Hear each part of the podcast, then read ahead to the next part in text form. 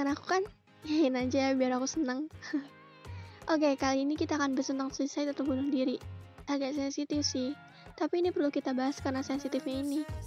First aku mau tanya, apa kamu pernah kepikiran untuk suicide atau pernah ada orang di sekitar kamu yang mikirin hal itu? Kalau iya, ajak dia untuk dengerin ini dan kamu harus dengerin ini sampai akhir. Oke, kita mulai. Bismillah. Suicide itu adalah hal yang paling dilarang di seluruh dunia, bahkan dalam agama. Betul? Tapi apa kamu pikir orang yang bunuh diri adalah orang yang jauh dari jangkauan dunia dan gak deket sama agama? Pemikiran kayak gitu boleh kita skip dulu ya. Aku nggak membenarkan perbuatan bunuh diri sama sekali. Makanya aku masih hidup sampai detik ini. Apa aku pernah kepikiran untuk lakuin itu? Jawabannya adalah iya dan sering. Saat aku punya masalah yang gak bisa aku lagi sama orang, my home like a hell karena semua orang nyalahin aku.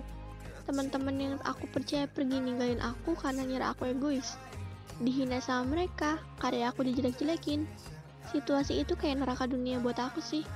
Terus aku pun kepikiran, apa aku perlu suicide untuk nyelesain ini? If I die, apa mereka akan peduli sama aku? Aku ketawa setelah itu, kamu tahu kenapa? Karena pembenci sekalipun kita mati akan terus menjadi benci. Jadi talk if I die, ya semua orang akan berubah sekalipun. Meskipun mindset orang, they are a killer. Suicide bukan hal yang paling mungkin bisa kamu pilih untuk menyelesaikan masalah. Masalah sebesar apa pun, kalau emang udah menimpa kamu, pasti ada jalan keluarnya. Kamu hanya butuh orang yang mau ngasih dukungan mental buat kamu. Gak jarang kita temuin kasus suicide itu asalnya dari orang-orang yang gak punya seseorang yang bisa dia percaya untuk bagi masalahnya. Kenapa sih? Kan tinggal curhat. Itu pemikiran kamu yang bahagia. Tapi bagi dia yang punya berbagai masalah di otaknya, itu beda. Dia butuh seseorang untuk ngasih dia dukungan mental dan support fisik. itu hal yang bisa bikin dia bangkit. Kalau kamu cuma sekedar dengan curhat, dengerin curhat dia dan bilang ya udah yang sabar ya bahkan dia bisa lakuin itu sendiri tanpa bisa bantuan kamu orang yang punya beban hidup di beban hidup di hidup dia nggak cari orang untuk dengar ceritanya tapi dia cari orang yang mau rangkul dia setelah dengar ceritanya dan bilang everything will be fine I'm here cuma itu tapi seperti yang kita tahu Orang lain terlalu malas untuk lakuin itu dan lebih milih bodoh amat sama masalah orang lain. Kalau mereka mikirnya, gue juga punya masalah, bukan lo doang. True. Sebenarnya fakta tersendiri semua orang punya punya masalah. Tapi nggak semua orang tahu kalau dia punya jalan untuk selesaiin itu. Selagi kamu bisa bantu, sekalipun masalah kamu lebih besar dari dia, lebih baik dibantu. Kamu nggak tahu setelah dia minta tolong sama kamu, dia masih bisa bernafas sampai kapan. Ada kalanya orang yang baru minta tolong sama kamu, tapi kamu gak tolongin. Dia cari ke sana ke sini minta bantuan untuk selesaiin masalah dia, untuk bantu dia, untuk support dia. Tapi gak ada yang mau bantu. Dua atau tiga hari kamu temuin dia meninggal. Apa yang ada di pikiran kamu? Apa kamu akan mikir kamu seorang pembunuh? Orang depresi bukan cuma orang yang pendiam, orang yang suka menyendiri, orang yang kelihatan baik-baik aja. Depresi bukan sekedar itu. Tapi ada juga orang yang terlalu sering senyum, sering ketawa, kelihatannya fun-fun aja tapi kita nggak tahu aslinya kayak gimana. Bisa jadi orang yang depresi itu adalah orang yang kelihatannya bahagia di depan kita padahal aslinya enggak. Karena orang depresi punya berbagai macam cara untuk menutup depresinya sendiri. Ada orang yang nggak mau kelihatan kalau dia punya masalah, dan ada juga orang yang nunjukin kalau dia punya masalah itu cuma tentang kita bisa ngertiin dia atau enggak ngertiin posisinya atau enggak. Dan menurut aku orang yang kayak gitu itu perlu rangkulan. Jujur ya selama aku punya kepikiran untuk lakuin itu aku ngerasa kayak semua orang tuh gak ada yang ngertiin aku. Aku ngerasa kayak semua orang ada buat aku ada sama aku tapi dia nggak bisa ngejangkau aku. Aku ngerasa aku terlalu jauh dari orang-orang. Kenapa? Karena aku pikir semua orang yang dengerin cerita aku tuh cuman sekedar dia pengen tahu pengen ngerti masalah aku tapi dia cuma bilang ya udah yang sabar ya. Padahal kalau untuk itu aku bisa lakuin itu sendiri. Aku bisa curhat sama kaca dan aku bilang oke okay, yang sabar ya. Udah. Tapi aku butuh orang yang emang dia nenangin aku dia kasih aku masukan dia kasih aku motivasi dia bantu aku untuk bangkit dan dia jelasin kalau misalnya pilihan terburuk setelah ini adalah salah. Aku nggak butuh ungkapan sabar sabar aku kayak gitu bukan berarti aku nggak sabar. Tapi karena aku punya punya alasan. Dan mungkin itu masalah yang besar dan berat. Kadang orang yang punya masalah kecil pun dia bisa bilang itu berat karena dia baru pertama kali ngalamin masalah itu mungkin kamu yang mikir apaan sih masalah kayak gitu doang? Disesalin apaan sih masalah kayak gitu doang dipermasalahin? Nggak kayak gitu.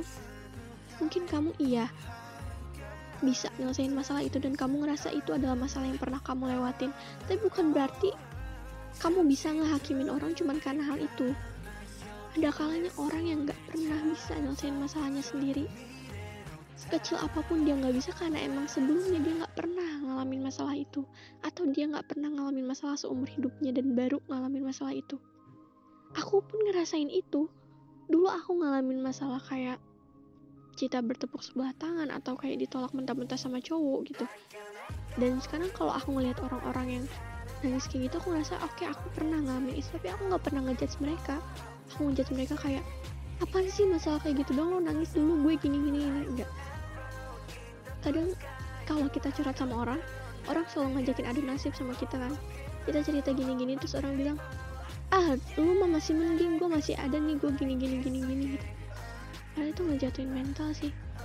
Secara nggak langsung lu ngejatuhin mental orang yang cerita sama lo lu ngebunuh rasa percaya diri dia gitu. Karena dia cerita sama lo itu ngerasa dia udah nggak bisa ngapa-ngapain dan lo bilang lo masih mending gue masih gini gini gini. Itu kesannya kamu bilang ke dia kalau dia itu cengeng. Dia itu lemah. Dia nggak bisa ngapa-ngapain. Dia nggak tahu caranya untuk nyelesain masalah sendiri dan dia jauh dari kamu. Itu. Itu sebenarnya yang mau kamu tunjukin ke dia. Kamu nggak tahu orang depresi itu kayak apa.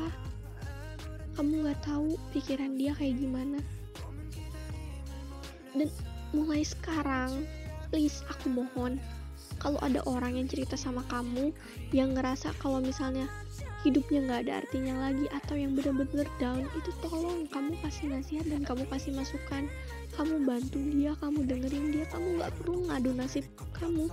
Kamu nggak perlu mikir eh dia masalahnya masih uh, sedikit dari masalah aku. Dia masalahnya masih kecil gini gini gini. Enggak belajar untuk respect kita nggak harus perfect tapi kita harus respect you know? Itu aja sih.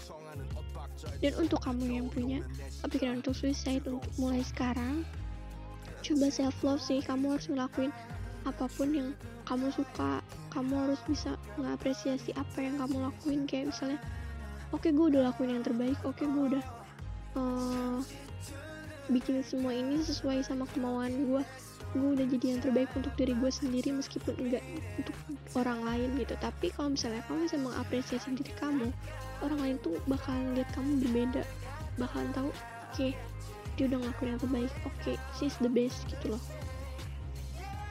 Jadi mulai sekarang terapin self love dibanding untuk ngurusin depresi depresi enggak. Yang paling penting itu self love karena pada dasarnya nggak ada orang yang peduli sama kamu yang cinta sama kamu. Lebih dari diri kamu sendiri. Itu faktanya. Mau dia pacar kamu mau dia orang tua atau dia temen. Menurut aku gak ada yang sayang sama kamu yang peduli sama kamu yang bener-bener care sama kamu sedalam itu selain diri kamu sendiri. Itu pengalaman aku dan kenapa aku masih bisa bernafas sampai sekarang itu karena aku menerapkan prinsip itu. Setiap kali aku ngerasa down aku selalu nguatin diri aku sendiri. Aku bilang kalau misalnya aku pernah lewatin yang lebih dari ini. Aku pernah ngelakuin sesuatu yang lebih parah dari ini. Aku bisa lewatin itu. Dan ini pun pasti aku bisa lewatin. Aku selalu nerapin prinsip itu. Dan berhasil. Dan aku harap kamu berhasil setelah kamu denger ini. Meskipun gak ada orang yang peduli sama kita, tapi kita masih punya diri sendiri.